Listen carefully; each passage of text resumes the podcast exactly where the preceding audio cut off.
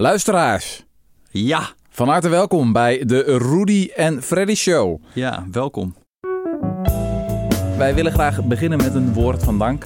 eh, in het bijzonder aan onze leden. Oh, ja, ja, ja zeker. Ja, wij zijn onze leden dankbaar, die trouwe, betalende leden. Ja, die het mogelijk maken dat wij onszelf niet hoeven te verlagen tot allerlei gênante reclames. Voor flutmatrasjes, onderbroekjes die snel stuk gaan of smerige thuiskookpakketjes. Denk je dat dit werkt, dit shamen ook? Ja, het werkt zo? echt. Ik zag heel veel reacties Ja? eh, bij de vorige podcast. ja. Dat mensen toch even dachten van... eh, Ja. ja. maar het was ook wel de content hoor. Ja. Jouw, jouw rant over de compensatieregeling. Ehm, dat was een mooi stukje onderzoeksjournalistiek. Ja. Ehm, maar goed, er zat behoorlijk wat tijd in. Wij wa- waarderen het als mensen dat supporten. Eh, wij zijn als altijd te bereiken. Dat wou ik ook weer even zeggen. Ehm, op Rudy en Freddy Show at decorrespondent.nl. Mhm. Wij lezen alles. ja. Jesse reageert op alles. niet altijd, maar... Nou, je, je- wat ik eerder zei, je begint wel eens aan een draft. Maar dan wordt het zo'n lang verhaal dat je de draft uiteindelijk niet verstuurt. ja, ja, ja. Misschien ga ik gewoon al die dingen alsnog versturen. ja, denk gewoon- je? Ja, ja, dan zet ik eronder van-? Van oké, hier neemt Rudy het even over. Sorry, jij had geen tijd om het af te maken. Maar hier heb je in ieder geval de helft van, Ja. van de reactie. Het zegt heel veel over onze persoonlijkheden, hoe Ja. het ook eh, weer gaat. Zo'n gezamenlijke e-mail komt toch wel heel dichtbij wat je dan met elkaar hebt, hè? Ja, ik vind het intiem. Eh Jesse, hoe is hij? Ja, Ja? wel goed. Wel goed, ja. Eh, glorieuze overwinning. Ja, laten we het daar eerst eens even over hebben. Jij was voor het gerecht gedaagd. Nou ja, het gerecht voor de Raad voor de Journalistiek was ik gedaagd vanwege mijn boek. Wat is dat, de Raad voor de Journalistiek? Ja, dat is een soort van, eh, zoals elke beroepsgroep heeft wel een soort van tuchtraad of zo. Van of je het dan wel goed hebt gedaan allemaal en of je journalistiek zorgvuldig hebt gehandeld. ja. Nee. Dat is eh, voor de. Dus daar kunnen mensen, als ze vinden dat een journalist echt eh, ja, het fout heeft gedaan, dan kunnen ze zich daartoe richten. En, Ja. die gaan, en dan, ja, dat zijn dan ja, andere journalisten, oud-journalisten. Zat een rechter ook op die zitting die dan gaat oordelen of je het oké hebt gedaan. ja, dus wel echt een serieus, zorgvuldig proces. ja, Maar het is niet dat ze je een boete kunnen geven of zo. Of in de gevangenis kunnen gooien. nee. Dus meestal is het dan gewoon eh, eh, ja, eh, onzorgvuldig of je moet rectificeren. Of, nou ja, je, ze kunnen dat ook niet afdwingen. Hè? Dus er Nee. zijn ook best wel veel nu mensen volgens mij van Zembla en zo... die ze gewoon hebben gezegd, nou we zijn het er niet mee eens. We gaan weg gewoon bij die Raad voor de We erkennen en het niet. Ja, we erkennen het Ja. niet. Ja. Maar goed, heel veel erkennen het wel. En het, voor veel journalisten is het pijnlijk als je veroordeeld wordt voor de, door de Raad van de Journalistiek. Ja. Alright. Nou, jij werd voor de raad gesleept door Dadim, ja. een gastouderbureau dat een hoofdrol speelt in jouw boek. Zo hadden we het niet bedoeld. Dat is eigenlijk het Ah, gastouderbureau. nog, toch? Niet eh, helemaal... Het is gewoon een paar hoofdstukken die daarover gaan ook, ja. Ja, oké, maar wel een forse bijrol. je gaat er ja. wel echt een tijd, eh, tijd over door. En zij spelen ook wel een belangrijke rol in de toeslagenaffaire. Ja. Want in de berichtgeving van RTL Nieuws en Trouw zijn zij een van de eerste en belangrijkste casussen, toch? Ja, Ehm, van een groep ouders die vermorzeld is door Ja. de Belastingdienst. ja, ja. ja. En jij zoomt ook helemaal in op die casus en hebt een iets, je hebt een iets andere interpretatie van wat daar gebeurd is. Ehm, en Dadim was daar nogal pist over. Ja, ja, ja, ja. Nou ja, je kan het eigenlijk gewoon. Het, het is al zoals eigenlijk ook met die compensatieregeling. Het verhaal is gewoon, gewoon wat grijzer dan het eh, volgens mij is voorgesteld de hele Ja. tijd. Dus ik citeer eigenlijk in mijn boek Mhm. eh, heel veel bevindingen van in de tijd dat, eh, dat inspecteurs daar langskwamen. En wat ze toen aantroffen. Mhm. En dat werd eigenlijk door, ja, eigenlijk vanaf het begin dat ik wederhoor ging doen, werd dat heel agressief afgewezen. Nou, daar klopt helemaal niks van. Het is allemaal helemaal eh, achterhaald, onzin, bla bla bla bla bla. Mhm. Maar ik kreeg maar niet heel erg duidelijk waarom dat dan allemaal niet zou kloppen.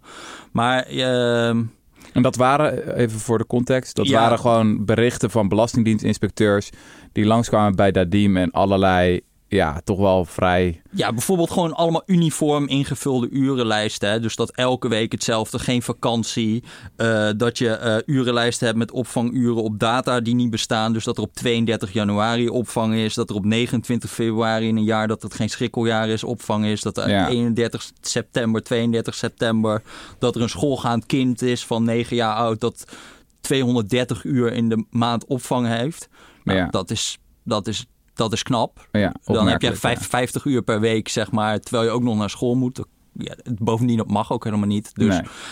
En nou ja, dat soort dingen. En ook, ook dat er bij die bezoeken heel vaak geen kinderen werden aangetroffen. Uh, dat, soort, dat soort dingen, dat vonden zij allemaal. En dat, ja, dat citeer ik gewoon. Mhm. Omdat dat volgens mij, ja, uh, ook wordt gevonden. Ja, waarbij je niet wil zeggen dat die ouders vreselijk onrechtvaardig niet vreselijk onrechtvaardig zijn behandeld door de Belastingdienst. Nou ja, het probleem in die casus, als je het gewoon even eh, helemaal wil zeggen, is dat zij dus wel echt dingen vinden waarvan je kan denken van, hmm, nou, dat is toch wel wat nader onderzoek uh, waard. Maar dat ze vervolgens bij iedereen die bij dat gastouderbureau is aangesloten zeggen van oké, we zetten nu gewoon je, uh, je toeslagen stop. Mhm. En het blijkt ook uiteindelijk wel dat zij gewoon veel te hard daar erin vliegen. Want Mhm. als jij gewoon uh, uh, eerst bij iedereen zegt van terugvorderen, of voor een heleboel mensen wordt dan teruggevorderd.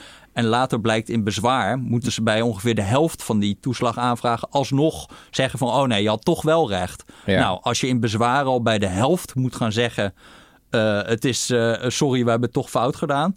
Dan, is er wel, uh, dan ben je wel heel erg raar iets gaan doen toen je het besluit Ja, ja. überhaupt nam. Ja. Dat, is, dat is natuurlijk niet normaal. Hoe was dat in Maar- de berichtgeving in de tijd toen van RTL en van Trouw toen dan? Pieter Nou Klein en daar, Jan dat is dus een beetje het punt. Daar is een soort van beeld geschept van dat het ja, eigenlijk gewoon volkomen uit het niets zijn, eh, zijn daar zonder enige goede aanleiding zijn belastinginspecteurs daar eh, gaan fraudeverdenkingen gaan hebben. Of dat er gewoon echt helemaal geen reden was om überhaupt te kijken naar dat gastouderbureau of naar, eh, ehm, naar die ouders. Ja. Maar ja, om even, kijk, bijvoorbeeld op die website van dat team stonden gewoon allemaal van die wervende teksten. Hè? Dus ik kan je, kan je even een stukje voor voorlezen. Er staat dan van, in de meeste gevallen kunnen ouders samen met oppas opa of oppas oma netto veel geld overhouden.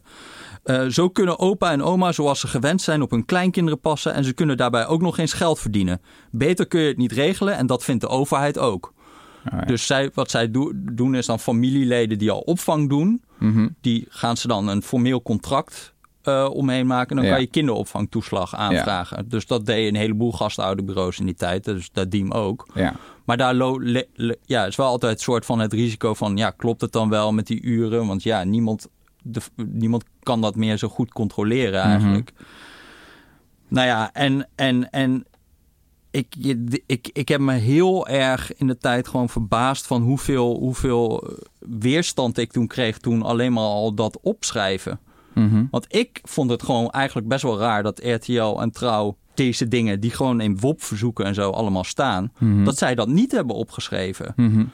En zij kwamen dan bij mij aan van ja, als je dit opschrijft, dat is smaad en laster en onrechtmatige perspublicatie. Daarmee komen ze dan bij mij aan bij de wederhoor. Dus Pieter Klein zei allemaal dat soort dingen van eh, ja, dit is echt journalistiek ongehoord bijna wat je doet om dit op te schrijven. Ja.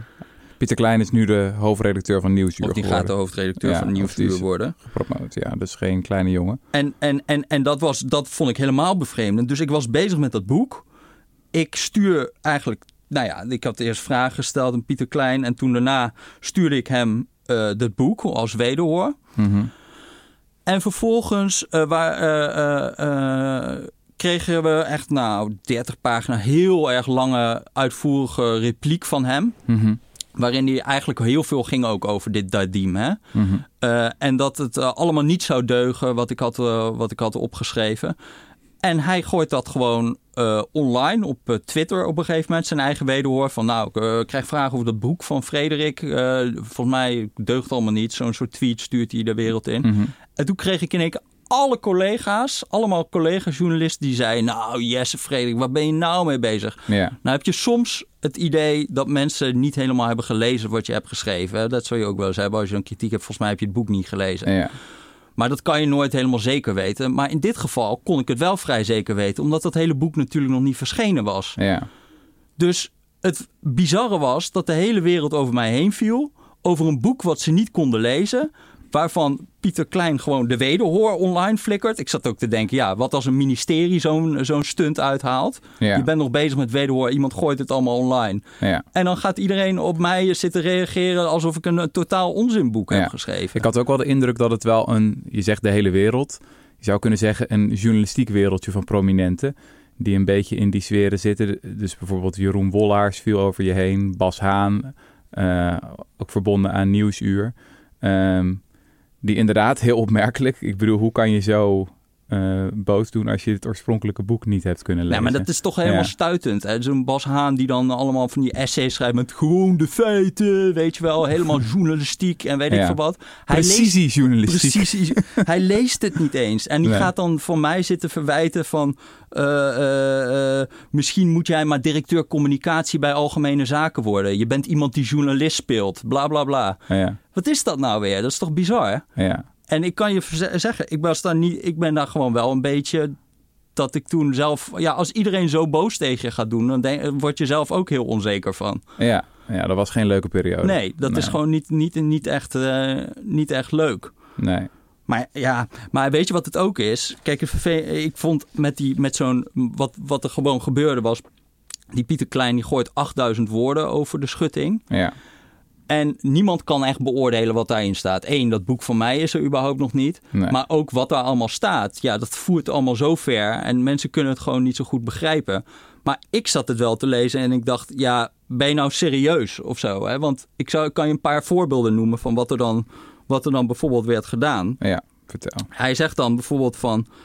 Uh, hij zegt eigenlijk wist de Belastingdienst al lang dat er helemaal niks aan de hand was bij dat gastouderbureau. Mm Dus hij citeert dan aan mij een e-mail van de Belastingdienst die uit zo'n WOP-verzoek komt. En dan zegt hij uh, dat er in die e-mail staat dat er, citaat, geen onvolkomenheden, einde citaat, waren bij Dadim. Dus ik ga kijken, oké, waar, waar, wat is het volledige citaat van die e-mail? Ja. Nou, dat citaat gaat dan over dat die inspecteurs een bezoek afleggen aan dat gastouderbureau. En die beschrijven dan wat ze dan tegenkomen. Dan staat er, wel is gebleken dat bij een bezoek aan het gastouderbureau vijf dossiers niet op orde waren. De eigenaar met nieuwe dossiers kwam en pas het in totaal tiende dossier geen onvolkomenheden bevatte. Holy shit. Uit die zin citeert hij de woorden geen onvolkomenheden. Ja. ja ben ik dan, wat, wat, dat is toch bizar? Dat is totaal uit context. Dus je hebt het over dossiers met onvolkomenheden. En dan één dossier geen onvolkomenheden. En dan en dan, en dan citeert hij geen onvolkomenheden. En het grap is ook dat in dat gespreksverslag staat ook nog van... nou ja, wat is de reactie van die eigenaar... die mij dus voor de Raad voor de Journalistiek daagt... als er die dossiers zijn doorgelopen. Nou, er zijn twee inspecteurs en die, zijn, uh, die hebben erop geschreven. Hebben gewoon een gespreksverslag gemaakt van wat is daartoe gebeurd. Dan zegt die eigenaar, ik zie het somber in niet de werkwijze waar wij voor staan. Ik wil heel snel naar een oplossing gaan zoeken. Ik wil helpen om tot een oplossing te komen. Anders einde verhaal. Het is geen opzet opzet. De houder, dat is de eigenaar, Mhm. ziet dezelfde problemen als wij. Houder geeft aan dat hij niet uit de kosten kan komen. Dus in de tijd eh, ziet hij dan ook dat, die dossier, dat daar iets mis is, zeg Ja, maar. ja. Althans, dit, dat suggereert het. Hij ontkent dat nu achteraf. Zegt hij van ja, die inspecteurs gaven een verkeerd beeld van de situatie en bla bla bla. Maar dit zijn toch dingen die, waarvan ik zou denken, dit is wel relevant om mee te nemen Ja, allemaal. ja, ja. Jij zegt, ik heb zwart op wit documenten van in der tijd opgesteld door de Belastingdienst. Maar dat komt uit hun eigen wop. Ja, ja hun eigen... En, en, en, Ja. en, de, die, en, die, en dat gastouderbureau heeft nog een civiele zaak gevoerd. Dus die hebben een rechtszaak gevoerd tegen de overheid. Waarin ze Mhm. aanvoerden van ja, we zijn onrechtmatig gedaan. Die zaak hebben ze verloren. Mhm. Dat wordt ook gewoon, dat wordt één keertje terloops in een artikel over een liegende landsadvocaat, bij wijze van spreken, genoemd door RTL. Ja. Maar dat, dat, dat, is, dat is toch gewoon raar dat dat Ja. dan allemaal. Maar, Maar, je snapt het natuurlijk wel. Ik bedoel, psychologisch snap ik het wel. Want in het hart van die hele toeslagenaffaire stond en staat Dadim. Weet je wel? Het soort van de aanleiding waar het allemaal mee begon. En waar die journalisten van RTL en Trouw Ja. furoren mee maakten. En het is natuurlijk van een ongelofelijke ironie als dan juist dat gastouderbureau ehm, niet helemaal zuiver blijkt te zijn. Of in ieder geval dat er serieuze aanwijzingen zijn. En het is aan de lezer om te beoordelen hoe die eh, dat bewijs wil wegen. Ja. Maar in ieder geval, laat ik het als lezer zeggen. ehm, ik denk dat er wel degelijk wat mis was ja. bij Dadim. Nou ja, en de Eh, grap is trouwens ook, de, de vrouw van de eigenaar, dat is Eva González Perez. Hè, Ja. Ik begrijp dat Videoland nu ook een documentaire of een eh, soort van serie, dramaserie van haar gaat maken als, Ja. over de toeslagenaffaire. Maar die zit dan ook in rechtszaken voor ouders. Be- Betoogt zij af en toe gewoon van ja, die administratie van Dadim klopt niet. Nee. Dus bijvoorbeeld, dan is er een zaak van eh, de, de, de rechtbank West-Brabant. Nou, dan blijkt uit de jaaropgave van Dadim dat er ongeveer 14.000 euro zou moeten worden betaald in kinderopvangkosten. Maar er is maar 8.300 euro betaald. Dus bijna 40% van de kosten zijn niet betaald aan Mhm. kinderopvang. Dus dan is het te veel kinderopvangtoeslag ontvangen. En dan, dan, dan zegt zij van in die rechtszaak zegt ze van dat er niet had mogen worden uitgegaan van die jaaropgave van gastouderbureau Dadim. En vervolgens verwijten ze mij heel erg dat ik eh, er in het boek opschrijf dat het een administratieve janboel is daar. Ja. Zijn nog, je kan gewoon al die rechtszaken Ik vind dit lezen. trouwens een ongelooflijk detail waar ik nog even bij stil wil staan. Want volgens mij beseffen veel mensen zich dit niet. Is dat dus de vrouw van de eigenaar van Dadim, dat is Eva González Perez. En dat is een van de sleutelfiguren in die hele toeslagenaffaire. Die voedt de journalisten van Trouw en eh, RTL met heel veel informatie. Ehm, terwijl, ja, die is natuurlijk niet belangeloos. Nee. Haar eigen man is een betrokkene hierin. En Eva González En Perez die is zijn nu... bezig met een civiele zaak om, om zeg maar schadevergoeding te krijgen van de staat. Ja, ja. Dus die hebben, eh, zeg maar, de diem wil natuurlijk ook eh, aantonen dat het echt volkomen uit het niks is gekomen en dat het echt totaal onrechtmatig Precies, is. ja, ja, Want als er uiteindelijk rechtmatig wordt teruggevorderd, een heleboel van die eh, toeslagen. Eh, en daar kan je je vraagtekens bij hebben. hè. Dus dat wat rechtmatig was eh, vijf jaar geleden was hartstikke onrechtvaardig. Mhm. Maar wel rechtmatig. Ja. Maar dat, dat is niet goed voor als dat, als dat is gebeurd, dan win je niet een civiele schadeclaim. ja, ja, zeg ja. maar. En het staat buiten kijf dat zij een goede advocaat is. Ik bedoel, ze heeft enorm veel voor elkaar gekregen voor haar cliënten. Maar zo'n advocaat is natuurlijk niet een neutrale, onafhankelijke journalistieke bron. Nee. En dat vind ik heel erg bizar eigenlijk. Een van de vele dingen die bizar zijn in het dossier... is dat Eva González Perez nu ook in de pers helemaal is neergezet als... Ja, een soort van Jeanne d'Arc. Weet je wel? Echt een vlekkeloze, moderne heldin. Ehm, terwijl, ja... eh, Als je, als je die documenten induikt, als je zo'n WOP induikt, denk je van, nou ja, goed, eh, er, er was wel degelijk wat aan de hand bij het gastouderbureau van haar man. En dat Dat moet zij toch ook hebben geweten. eh, Ik zou het raar hebben gevonden als er niet was gekeken naar die toeslagaanvraag. En ik denk iedereen die die stukken leest, zou wel denken van ja, dit is wel aanleiding om eens eventjes goed onderzoek te gaan doen. Ja. Kijk, dat is iets anders dan zeggen dat er sprake is van fraude. Hè. Dat kan ook Ja. gewoon nalatig of gewoon ja, rommelig of weet ik veel wat. Dat, eh, dat, er zit gewoon een wereld tussen foutloos en fraude. Ja, al heb ik nooit per ongeluk 32 januari ingevuld. Of Nee, maar per goed, ongeluk, nou ja. Wie goed. weet. Ja, maar, Moet er eh, onderzocht worden. Maar, maar, maar dan, dan is het ook voor mij trouwens heel raar dat dan bij die Raad voor de Journalistiek dat op die zitting dan Renske Leijten daar die man vergezelt. Hè, dus het Kamerlid van de SP. het Kamerlid ja. van de SP, die, die komt daar en die zit dan ook weer nog met mij, bij mij te beweren dat ik in een soort complot zat met de, met de Belastingdienst om de parlementaire ondervragingscommissie te beïnvloeden en zo. Ja.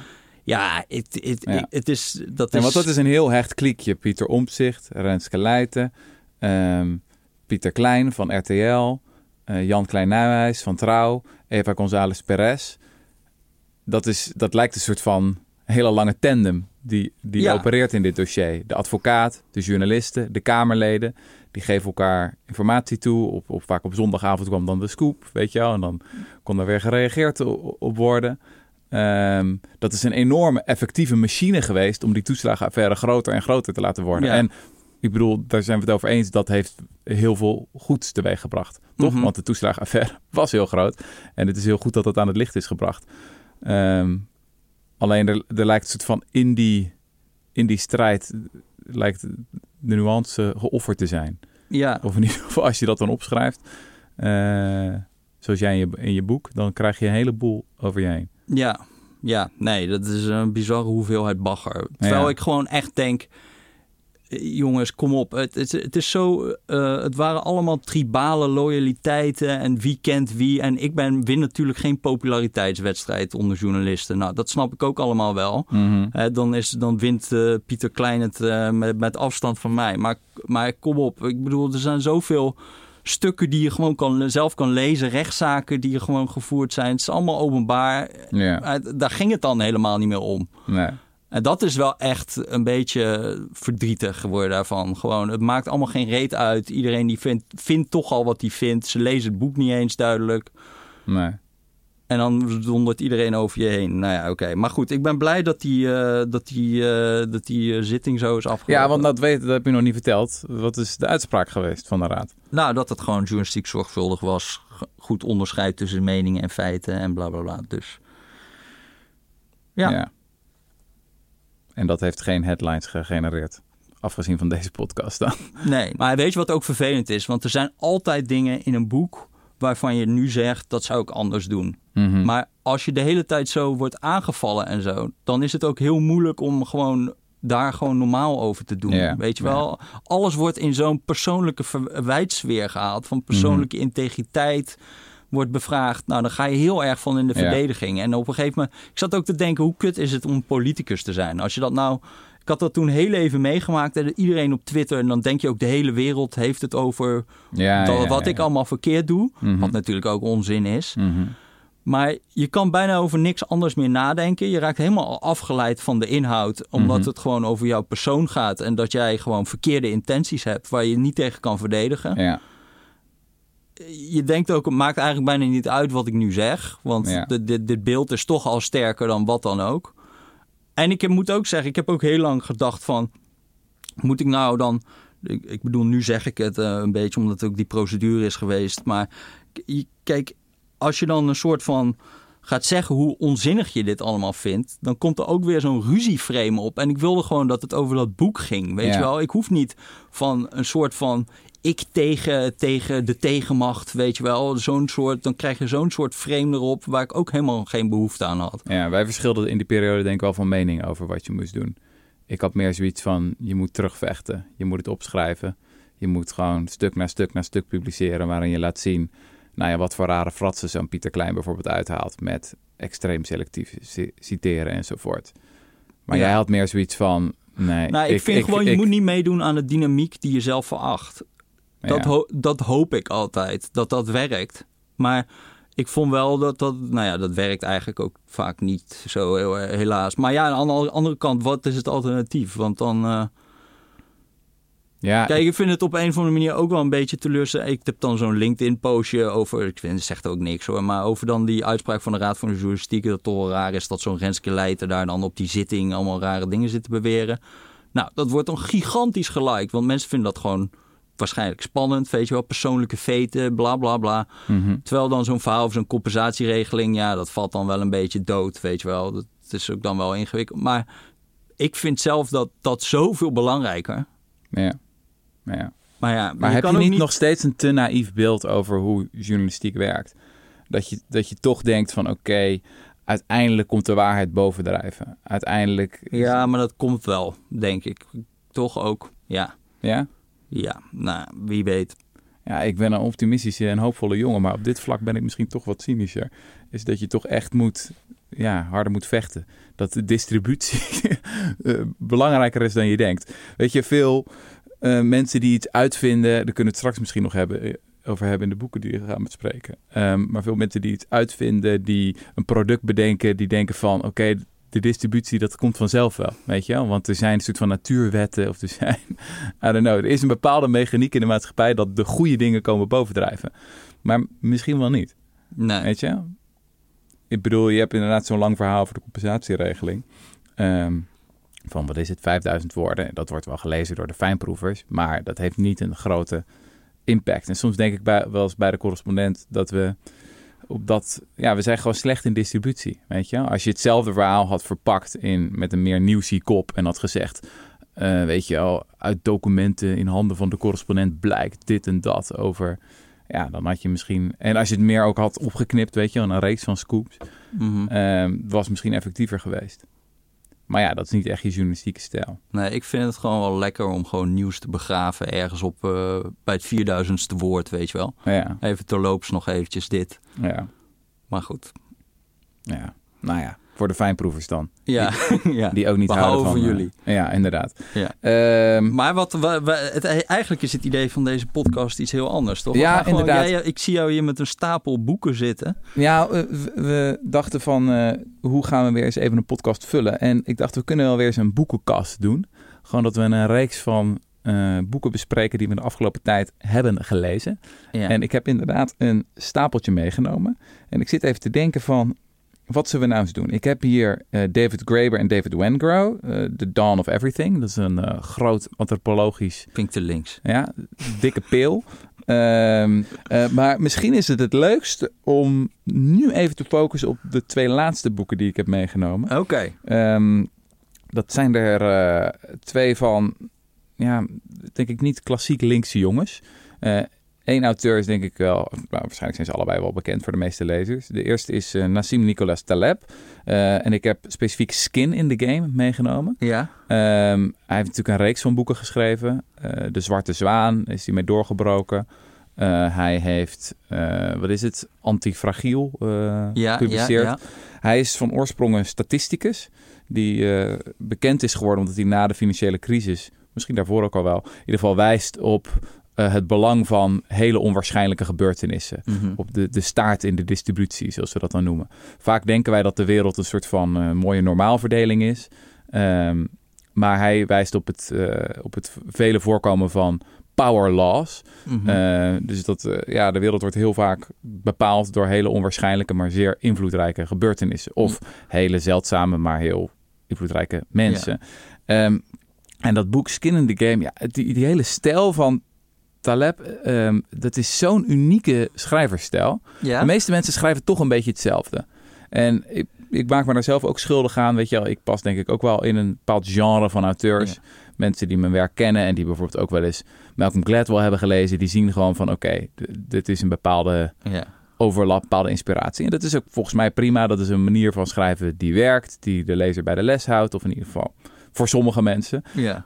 Maar die Taleb heeft echt een unieke eigen stijl. Ik ken eigenlijk niemand die zo schrijft Want, wat, wat, als hoe hij. zou je het beschrijven dan? Ja, gewoon knotsgek. Het, het vliegt alle kanten op. Af en toe dan heeft hij gewoon even zo'n les. Die doet hij dan in het, in het cursief. Alsof hij een soort van bijbelgebod even introduceert of zo. Of een diep levensinzicht. Oké. Okay. Um, hij heeft hele grote uitspraken die hij eigenlijk niet onderbouwt. Met, met, met bronmateriaal sowieso. Bronvermelding, ja. Dat, zit er weinig van in het boek. Um, maar dat boek, Skin in the Game, ja, ik, ik, ik, kreeg het weken niet uit mijn hoofd nadat ik, nadat ik het gelezen had. Okay. Want je gaat het Vertel. ineens overal zien. Nou goed, zijn ba basale filosofie is, begint eigenlijk met um, een stukje um, bankier slash investeringsdenken. Dus uh, wat, wat een bankier zou zeggen, een goede bankier die zou zeggen... Don't tell me what you think, tell me what's in your portfolio. Je, je kan van alles zeggen over van ik vind dit van Tesla, ik vind dit van Unilever, ik vind dit van Shell. Maar wat natuurlijk echt wat zegt is in welke bedrijven je investeert. Waar Ja. je je geld in stopt. Ja. Heb je skin in the game. Ehm, en dit is voor Taleb een soort van totale filosofie. Hij neemt mensen die skin in the game he- hebben, neemt hij serieus. En mensen die dit niet hebben, neemt hij niet serieus. Hm. Dus je kan ook beroepsgroepen zo Ook een fan van categoriseren. journalisten, Ja. ik Journalisten is voor hem echt het voorbeeld van mensen die geen skin in the game hebben. Ja. Waarom niet? Omdat ze niet de prijs betalen van hun fouten. Ja. Heel veel journalisten kunnen gewoon onzin roepen. En misschien krijg je een keer een vervelend uh, akkefietje bij de Raad voor de Journalistiek. Ja. Maar doorgaans betalen de meeste journalisten niet echt de prijs voor hun fouten.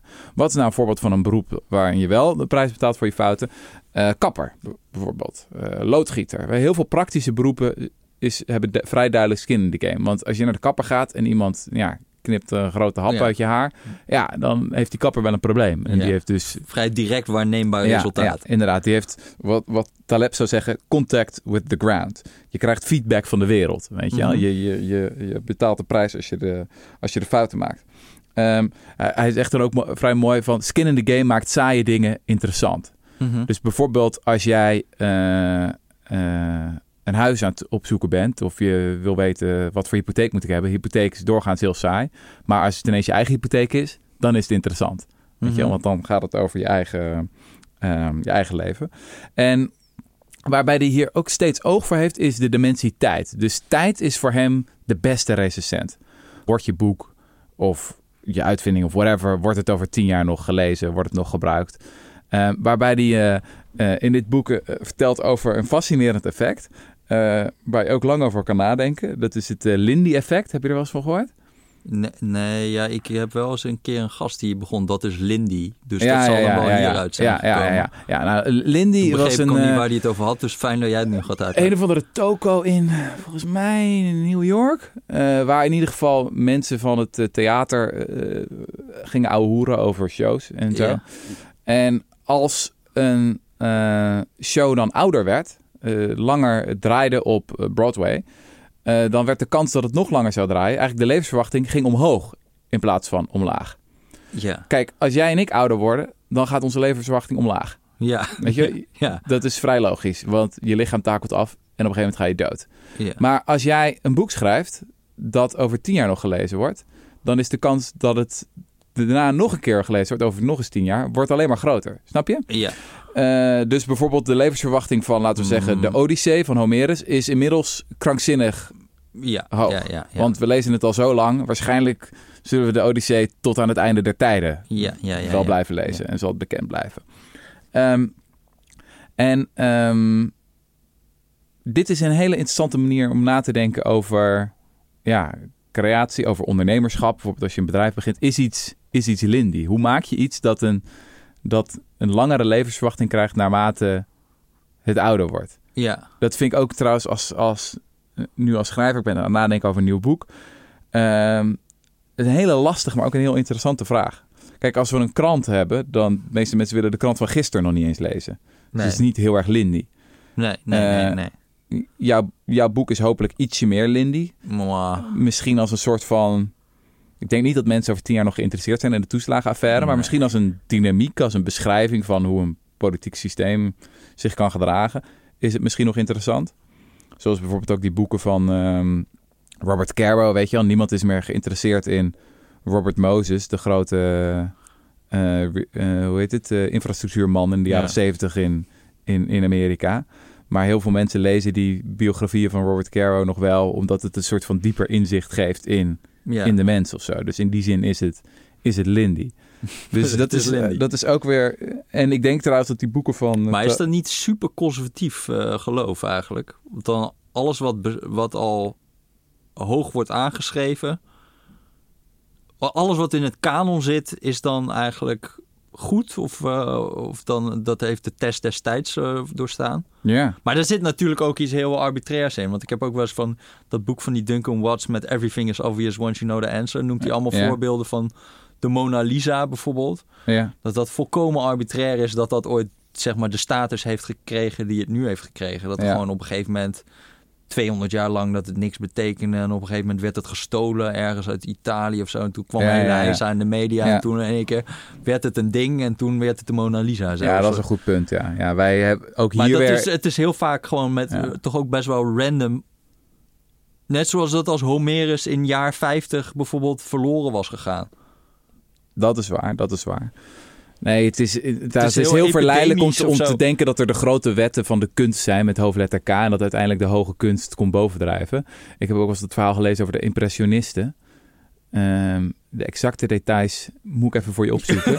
Maar in ieder geval, dat is een boek van Derek Thompson, heet dat, Hitmakers. Daar beschrijft hij dat verhaal in. Ja. Ehm, dat die impre- impressionisten, die waren dat, Monet en zo, ehm, die eh, eh, werden op een gegeven moment tentoongesteld in een vrij controversiële tentoonstelling van een van de, een van de impressionisten, die be- best wel rijk was. Mhm. Eh, en- maar die had dan de relatief goedkope en de mindere werken gekocht van hen en bij elkaar gezet in een tentoonstelling. En daar was dan in Frankrijk hele ophef over, want het was op een prominente plek neergezet. En eh, ze zeiden van, ja, dat is natuurlijk helemaal geen kunst. Dat zeiden de deftige kunstcritici. Maar niet goed. Die impressionisten, die snappen er niks van, bla bla bla. Ja. En het zijn precies die kunstenaars en die kunstwerken die zo vreselijk beroemd zijn geworden. ja. Eh, en wat nou eh, extra ironisch is, is dat degene die dat dan allemaal verzameld heeft, die in de tijd als een van de betere impressionisten is, wiens naam mij nu is ontschoten, Ja. wat al genoeg zegt, ehm, ja, die zijn, we, die zijn we vergeten. Oh ja, ja, ja. ja, ja. Maar dat is heel interessant, dat dat soort van verbonden is aan dat specifieke historische moment waarvan iemand zo'n ja, collectie samenstelde. ja.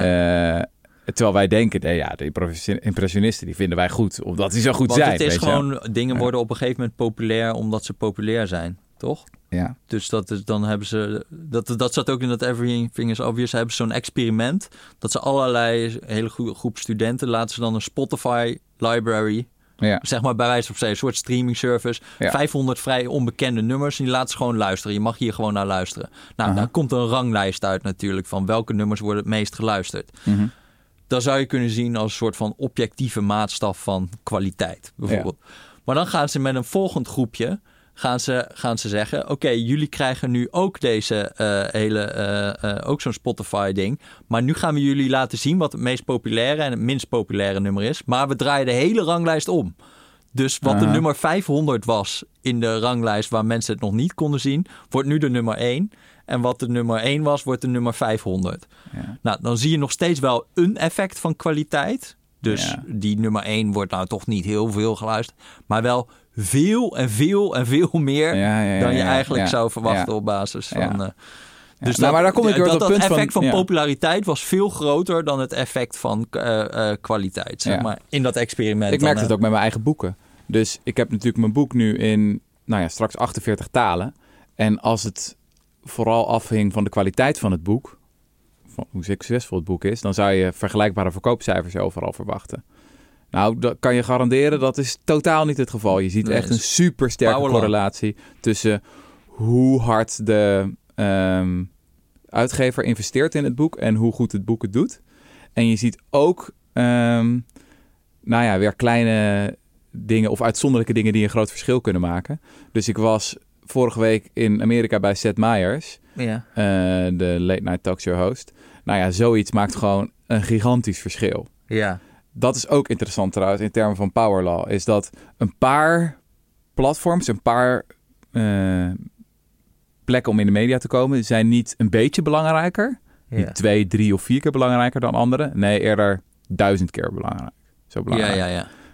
Ehm, dus je kan bijvoorbeeld met zo'n boek op tour gaan, weet ik veel, naar Portugal en naar Oezbekistan en naar Australië en de hele wereld eh, afgaan en heel veel CO2 uitstoten eh, om je boekje te promoten. Of je kan je focussen op die ene plek waar het echt gebeurt, ja. en dat is Amerika. En dan voornamelijk Amerikaanse televisie, want dat heeft een mondiale uitstraling. Weet je wel? Ja, ja, ja. Als jij pers doet in Duitsland, dan verkoop je boekjes in Duitsland. Als je pers doet in Spanje, verkoop je boekjes in Spanje. Als je pers doet in Amerika, dan verkoop je ze overal. Dus dat is Hmm. ook weer zo'n voorbeeld van... eh, ja, het is heel verleidelijk en romantisch om te denken van... nou, ik denk lang na over een boek en ik moet, eh, eh, dan komt het wel bovendrijven. ja. Ehm, ja, distributie is toch best wel belangrijk in hoe dat werkt. Ehm, waar die Taleb ook op hamert, dat is eh, wat hij de minority rule noemt. Mhm. Dus de wereld wordt geregeerd door kleine en intolerante minderheden. Ja. Eh, de meest intolerante mensen winnen, is zijn eh, stelling. Oké. Ehm, hij citeert ook de bekende antropologe Margaret Mead. Die heeft zo'n mooie uitspraak. Die zegt: Never underestimate the power of small groups of thoughtful, committed citizens to change the world. In fact, it's the only thing that ever has. Oké. Nu wordt dat citaat vaak gebruikt door idealisten, progressieve types die zeggen van "Hé, we kunnen de wereld veranderen. Weet je, als we samenkomen kunnen we dat doen. Heel hoopvol en mooi. Als je goed nadenkt over dat citaat, dan besef je volgens mij dat het een heel brute gedachte is. Vooral het tweede deel. In fact, it's the only thing that ever has. Oftewel, de meeste mensen veranderen de wereld niet. Weet je wel? De meeste mensen zitten niet in dat deeltje van, hoe zeg je dat? De power law. De- De meeste mensen staan gewoon aan de zijlijn Mhm. dat is een eerlijke beschrijving van het historisch proces. Ehm, en de wereld wordt geregeerd door, door ja, behoorlijk activistische, overtuigde mensen. ehm, die ehm, eh, relatief intolerant zijn. Dus Taleb geeft een paar voorbeelden. Eh, bijvoorbeeld in de sfeer van het eh, eten, eh, kosher eten. Dus eh, wat is het, 0,3% of zo van de Amerikanen wil kosher eten. En toch is, wat is het, de helft van het verpakte eten in Amerika is kosher. En dat ziet hij dan als Hmm. een voorbeeld van, ja, je hebt gewoon een klein groepje van mensen die vinden het zo belangrijk. Die drammen er zo hard op. ehm, dat, dat de meerderheid denkt, oké, oké, doen we dat wel. Ja. Dit is ook een model van activisme natuurlijk. Activisten, die, die ziet hij ook als voorbeelden van mensen die echt een skin in the game hebben. Als ze, als echt overtuigd zijn. En dat is niet alleen maar gaat over, weet ik veel, een beetje virtue signalen. En laten zien van, oh, ik ben een, ik heb een, eh, ik ben Mhm. een deugdmens of zo. Nee, maar als je echt de wereld wil veranderen. ehm, ja, gewoon omdat jij iets zo belangrijk vindt. Stel je voor, je bent bijvoorbeeld I don't know, de zoon of dochter van 13 of 14 in een gezin en je bent net overtuigd veganist geworden. Ja, Mhm. als jij echt heel vervelend en intolerant bent, dan gaan op een gegeven moment je ouders ook wel denken van oké, eh, ja, weet je wel, om dat vervelende kind tevreden te stellen, doen we het. Mhm. Eh, maar zowel ten goede als ten kwade zijn het dus juist die mensen die ehm, ja, echt skin in the game hebben, echt diepe overtuigingen hebben die het die iets kunnen veranderen. Mhm. En dat is zowel, I don't know, het is misschien, eh, je zou het ook kunnen zien als hoopvol, want je kan ook denken van oké, dus ik kan wel een verschil maken als individu. Mhm. Juist omdat de meeste mensen betrekkelijk apathisch zijn, kunnen de mensen die niet apathisch zijn en verschil maken. Mhm. Maar het is wel iets heel anders dan het beeld wat je meekrijgt bij maatschappijleer. Van we leven in een democratie en uiteindelijk bepalen we samen waar deze maatschappij Mhm. naartoe gaat. Ja, ja, ja, ja. Nee, het is eerder relatief kleine groepjes van mensen die heel hard rammen en duwen en drukken. Ja, Die zetten die olietanker in beweging. ja, ja, ja. Maar die gedachte ehm, van ja, je moet, je, moet, je moet doen wat je zegt. En als je niet echt laat zien dat je skin in the game hebt, hoe serieus moeten we je dan eigenlijk nemen? Hoe, hoe waardevol is je filosofie dan eigenlijk? Mhm. Ik vind dat een hele aantrekkelijke en motiverende filosofie, eerlijk gezegd. Ja, Ehm, ook in die hele discussie over van... Ja, hoe verander je de wereld? Moeten we de systemen of de structuren veranderen? Of begint het bij individuele verantwoordelijkheid? Ja, het antwoord is allebei. Het zijn kleine groepen van gecommitteerde individuen... die doen wat ze zeggen... en die vervolgens stap voor stap geleidelijk aan... gewoon door hun drammerigheid en hun activisme en hun overtuigingskracht... de wereld kunnen veranderen. Mhm.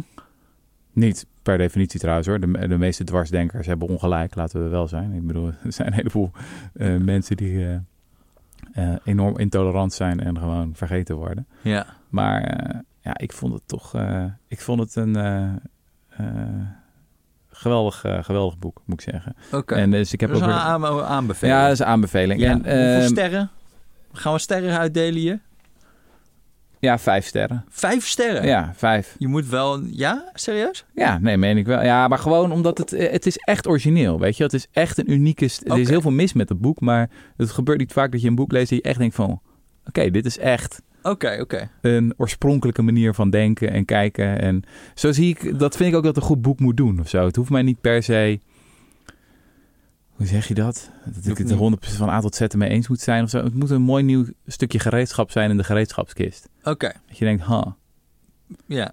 En dat eh, heeft Taleb. Oké, dan Ja, gaan ja, we, ja, gaan ja. naar, gaan we de- naar het volgende. Ja, dat heb ik ook wel bij het laatste boek dat ik nog zou willen benoemen. Eh, of heb jij ook nog eh, materiaal? Ja, ik heb wel ook lange materiaal, maar je bent zo lang aan de deur lullen dat ik denk gewoon, ja, Ja, sorry. dat, dat geeft niet hoor. Dat Sorry, maar dit vind je ook leuk.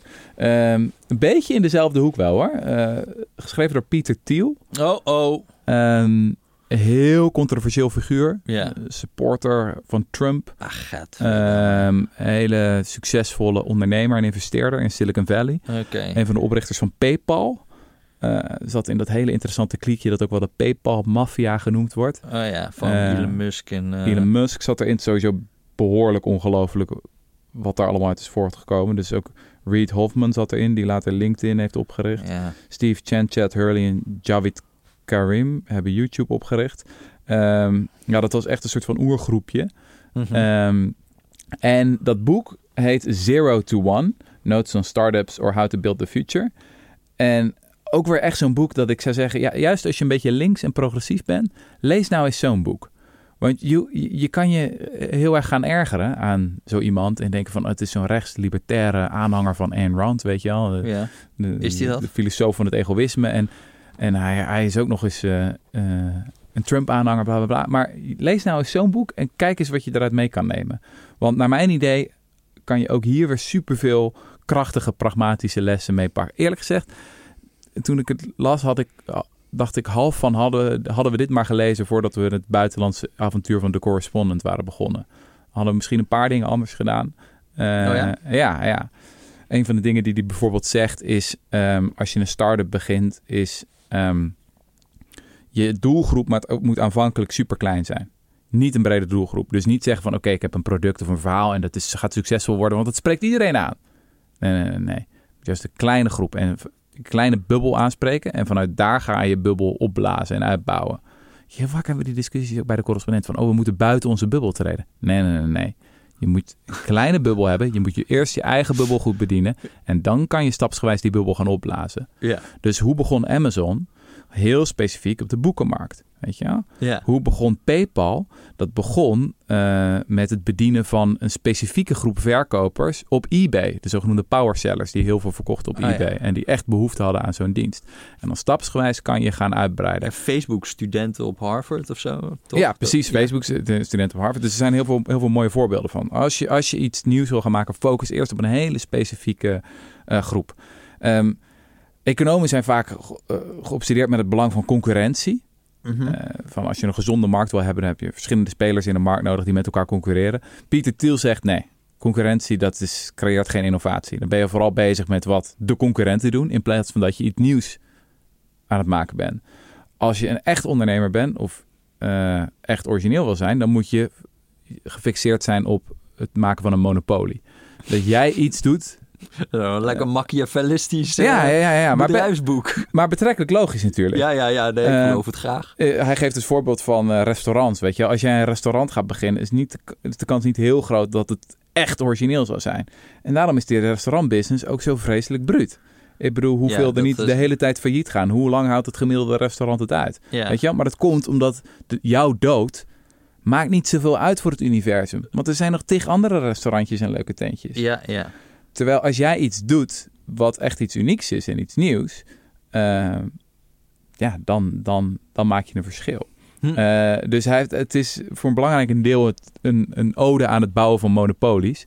Eh, Oh. Hij maakt er wel een onderscheid natuurlijk. Hè. Je hebt ook echt nutteloze monopolies, rent-seeking monopolies. Van, I don't know, je hebt bijvoorbeeld als enige toegang tot een bepaalde grondstof en je zet er een, Tolpoort. een tolportje voor en een man met een AK-47. En goed, dat voegt niet zo heel veel toe. Nee. Uh, maar als je echt iets nieuws maakt, is het natuurlijk makkelijker om, om uh, dat te doen. En hij, hij heeft ook hele scherpe opmerkingen over het moderne onderwijssysteem. Um, dat we nu eigenlijk voornamelijk uh, generalisten aan het, aan het opleiden zijn. Mensen die uh, elke keer op school 50 minuten dit krijgen, 50 minuten dat. Weet je wel, je bent nergens echt goed in. Uh, ik zal even een paar van die citaten voorlezen. Ik vond deze wel erg mooi. Um, Elite students climb confidently until they reach a level of competition sufficiently intense to beat their dreams out of them. Higher education is the place where people who had big plans in high school get stuck in fierce rivalries with equally smart peers over conventional careers like management consulting and investment banking. For the privilege of being turned in conformists, students or their families pay hundreds of thousands of dollars in skyrocketing tuition. Um, dus voor hem is consultancy is hier het ultieme voorbeeld. Dat zijn betrekkelijk slimme mensen die er naartoe gaan, maar die creëren niet echt iets nieuws meer. Hm. Um, dus uh, het tegenovergestelde van een consultancy is wat hij noemt een cult. En een cult is ook weer een kleine groep van betrokken, bevlogen mensen die iets nieuws proberen te maken. In plaats van alleen maar in de marge te Mhm. optimaliseren, snap je? Um, en in die zin vond ik dit... Kijk, dit gaat dan over ondernemers. En daarom zal het niet zo snel gelezen worden, denk ik, door I don't know, de bevlogen linkse progressieve types. Maar lees dit boek nou eens. Want volgens mij is er niet een heel groot verschil in essentie tussen een ondernemer in Silicon Valley en een veganist die uh, de bio-industrie wil afschaffen. Jij wil ook een monopolie maken. Nou, nou er, zit, er, zit in een er zitten echt heel veel overeenkomsten tussen. Tussen ja. hoe je uh, een beweging opbouwt. Begin klein, bouw vervolgens uit. Uh, bepaalde mate van fanatisme die nodig is. Um, wees liever heel goed in één ding dan dat je een beetje half goed bent in, in alles. Ja. In die zin, ja, dat, ja, maar wordt, uh, maar dat is iets anders dan echt heel iets nieuws erg, maken. Uh, een beetje een ingewikkelde wereld als iedereen zo uh, rete onconformistisch is. 100 procent. Dus, dus dit is toch ja, wel ook zeker, advies ja, ja, voor gewoon ja, zeker. de, de 1 procent, zeg maar. Ja, maar dat zijn de luisteraars van de Rudy en Freddy Oké, oké, oké. Ja. Nee, absoluut. Ik bedoel, als iedereen die Diogenes van Sinope was, die in het openbaar masturbeerde en poepte op straat. En, oh, dat had je er nog niet bij verteld. Nee, nee, nee. nee, nee. Maar dit was jouw favoriete filosoof. Vrij contrair figuur, okay, kan ik okay. vertellen. Ja, nu uh, snap ik Eh, ook dat je van Instagram bent gemieterd. Ja, Ja, is dit ja, gewoon uh, is dit dingen die jij allemaal pikt? Heb nog niet eens verteld. Ik maak een Instagram-account aan. 24 uur later ben ik al verwijderd. Wegens Ja. het schenden van de regels. Moet je ook geen dickpics ik en heb minder niks jagen gedaan. sturen, ik heb niks gedaan. nou ja. Ehm, ik ben weer veel te lang aan het woord geweest. Eh, het komt in ieder geval Ja, neer. Ik heb een paar ik, mooie ik boeken heb, gelezen. Ik heb ook een boek gelezen. Ja. Ik ga het kort houden. Ja. Eh, het heet eh, Macht der Gewoonte van Carla Hoetink. En Ja. het gaat over de Tweede Kamer. En over alle regels en ongeschreven regels die daar allemaal waren. Aha.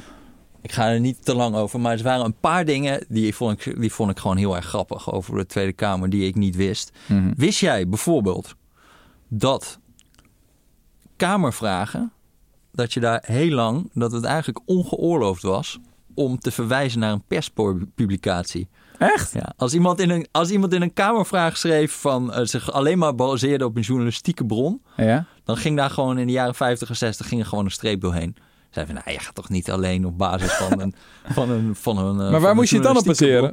Ja, rapporten, gedegen onderzoek. Oh, ja. dus gewoon, ze mochten, dat was gewoon niet iets wat je deed. Dat is toch wel grappig, hè? En Ja, nu, heden nu is ten dagen is het van, is op- kent u de tweet van Springbok 60? Bij wijze van spreken. ja. Se- Senna eh, van eh, GroenLinks, dat Kamerlid. Senna Matoeg. Ja, die, die vertel- vertelde ook een keertje dat zij, zij was ook een ambtenaar bij SZW. Mhm. Toen moest ze ook kamervragen beantwoorden. Mhm. En dan is heel vaak in zijn formulering in kamervragen is van... eh, kent u het partijblog van de lokale afdeling eh, Apeldoorn van de VVD? Ja. Eh, Ja, of is de minister bekend met... ja. En toen had zij beginnersfout opgeschreven. Nee. Ja, mooi. Ja. Zo werkt het dus niet. Nee. Maar goed, er was nog meer wat ik leuk vond. Want eh, dit is sowieso een stuk waarvan ik denk van dit moet ik nog een keertje gaan schrijven. Want kijk, achterkamertjes politiek, dat kent dan wel een heleboel beoefenaars, maar niet zoveel mensen die het echt verdedigen. Mhm. Dus het is iets wat mensen wel doen. Of gewoon dat de openbaarheid niet altijd helemaal heilzaam is. Maar niet iets wat heel erg graag expliciet verdedigd wordt. Van, Ja. Soms is het niet zo slim om Ja, ja, ja. ja. Maar wat interessant is, is dat ze dus vroeger in de Kamercommissies, dus dat is eigenlijk waar het, waar het gewoon het echt het wetgevende werk pla- plaatsvindt voor een heel groot gedeelte. Hè? Dus dat ze echt saaie vergaderingen over de techniek eh, van eh, wetgeving en weet ik veel wat, zo die commissies. Mhm. Eh, daar waren gewoon tot eh, eh, 1966 konden die verslagen uit die commissies helemaal niet openbaar worden gemaakt. Mhm. Dus dat was gewoon in totale beslotenheid. En daarna duurde het nog heel erg lang voordat het eh, gewoon er kon iemand zijn veto uitspreken om het openbaar te maken. Pas in 1980 was er pers en publiek toegestaan bij eh, die commissievergaderingen. Mhm. En daar was dan een hele discussie over. Over van, moeten we dat toestaan? Dat er gewoon mensen komen. Het is wel grappig om die argumenten dan nu terug te lezen. Want daar zeiden ze dus van Kamerleden die vreesden dat het Kamerwerk zou verpolitieken. Dus dat gebruiken ze als een scheldwoord. Dat was niet iets Oh, goeds. ja. Dus zij zeggen van die commissies, omdat het niet openbaar is, is nog de, een, nog de enige plek waar je eigenlijk van mening kon gaan veranderen. Er is een KVP'er die zegt: dit is de enige plek waar nog sprake is van wederzijdse beïnvloeding en van de mogelijkheid elkaar te overtuigen.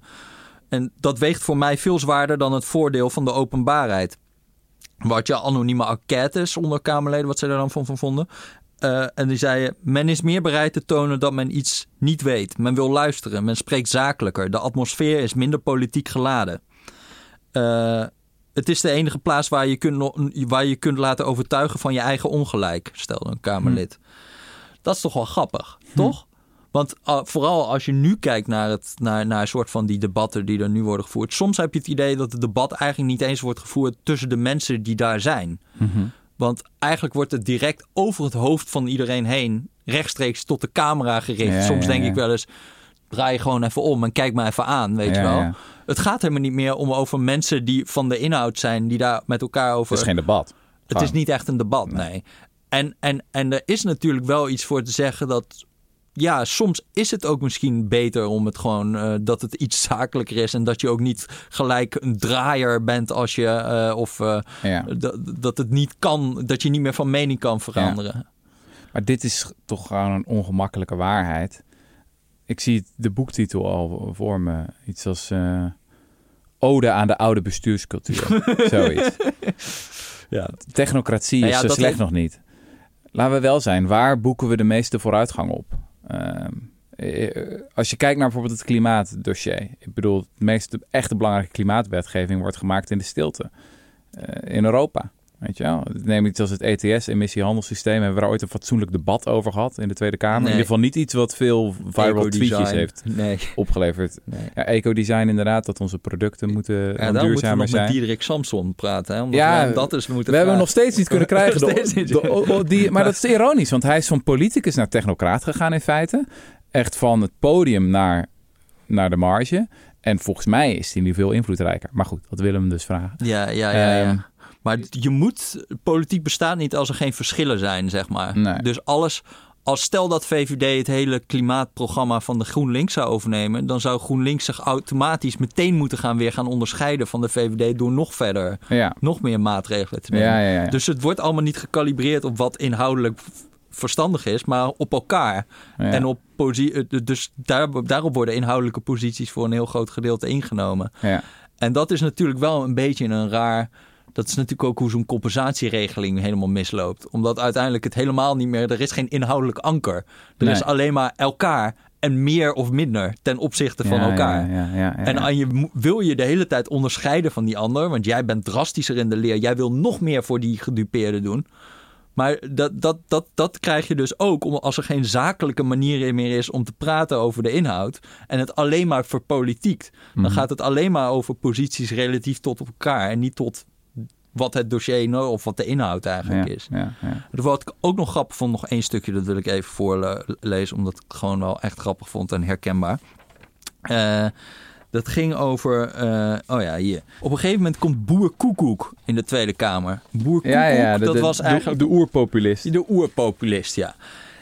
En het grappige is dat dan, die, dat dan eigenlijk, ja, die Kamerleden hebben het idee van, nou, als, als hij een keer de media ziet hoe die koekoek opereert, nou, dan gaat hij, gaat hij zo waanzinnig gewoon door de mand vallen. En dan Mhm. gaat het helemaal fout. Nou, dan komt het. Op het Binnenhof werd verwonderd gekeken naar het koekoek-effect. Het voorkomen van de boerenvoorman was niet bepaald van het snelle Amerikaanse type waarmee mannen als Van Mierlo op de buis scoorden. Koekoek was een Drentse provinciaal met dito tongval, hard morsige kleren en een Noorse blik. Hij was nauwelijks op de hoogte van de dossiers waarover hij sprak en begreep dikwijls weinig van de procedures.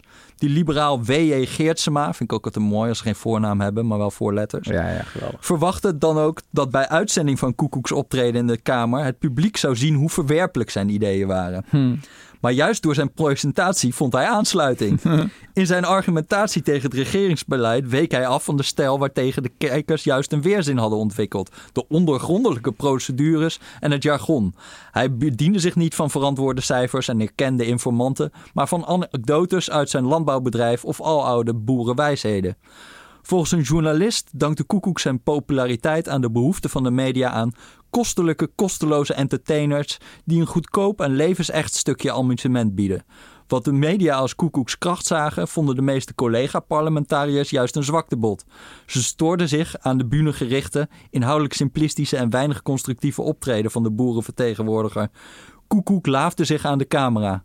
Nou ja, gaat maar zo door. Maar je, dit is wel een soort van Ja. heel herkenbaar ding, toch? Ja. Ja, ongelooflijk. Ja. En wanneer was dit? Oh ja, je met misprijzen schetst de PPR-leider de Gaai Voortman Koekoeks opportunis- opportunisme.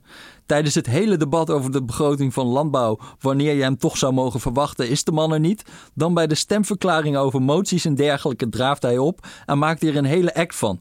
Spreekt zich zonder aan het debat te hebben deelgenomen uit tegen die begroting. Huh. Ja, ja, ja. Herkenbaar. Hey, hoe, hoe lang geleden is dit nou? 1970. Ja, het is 70, ja. Ongelooflijk. hè? Ja. Maar ook wel gewoon grappig dat dan, dat Ja. dan al die lui dan zoiets hebben van ja. Nou, dan, dan komt dan straks de media en die gaat dan zien dat hij er helemaal niks Ja, van snapt. En dat hij dan Oh, door de mand ja, ja, valt. Ja, die naïviteit, ja. Als die mensen in de tijdmachine hadden kunnen stappen en eh, hadden kunnen zien hoe het er nu aan toe Ja, gaat, ja, ja, dan waren ze denk ik diep, diep geschokt geweest. ja. Ja, Maar goed, dit eh, duurt al veel te lang, eh, deze podcast, geloof ik. Hè? dat denk ik ook, ja. Het klinkt trouwens wel als een redelijk hopeloos project, moet ik zeggen. Zo'n pleidooi voor de oude bestuurscultuur en pleidooi. Ik bedoel, Ja, ja, ja. dat is En je moet altijd contrair gaan zitten. die kurk is uit de fles. Ja, Ja. nou, ik ben wel benieuwd wat het nu... Maar ik denk, om heel eerlijk te zijn, ja, ik, ik, ik, ben, ik geloof gewoon... Ik vind het gewoon een rare periode om de Tweede Kamer op een soort schild te hijsen. Ja. Ik weet niet of iemand nog kamerdebatten kijkt, maar het is echt bizar aan het worden. Ja. En de maat waarin iedereen dan nu wil dat, dat, dat ja, laten we die mensen gewoon meer voor het zeggen geven. Ja, ja, ja. Dat snap ik dus gewoon Het echt is ongeveer het slechtst functionerende instituut in het Nederlandse staatsbestel. Wat mij betreft Ja. wel, ja. ja. Dus we gaan het, eh, we gaan het zien Helemaal met die nieuwe bestuurscultuur. Oké, Jesse, eh, ik vond het weer mooi. ja, het was weer zalig. Ehm, Veel geleerd. Even nog de oproepjes. Diederik, we zijn nog steeds naar je op zoek. ja, ja, Eh, kent iemand Diederik Samson? Eh, trek hem even aan zijn eh, jasje. ja. We willen hem graag in de podcast hebben. Ehm, wij zijn bereikbaar op Rudy en Freddy Show. At decorrespondent.nl Ja. Mocht je deze podcast de moeite waard vinden, dan zouden we je steun zeer waarderen. Dat kan op decorrespondent.nl slash word lid. Ja. Of decorrespondent.nl slash doneer. Als je er nog wat bovenop wil doen. Kan ook. Dat was hem. Ja, tabé. Tot de volgende keer.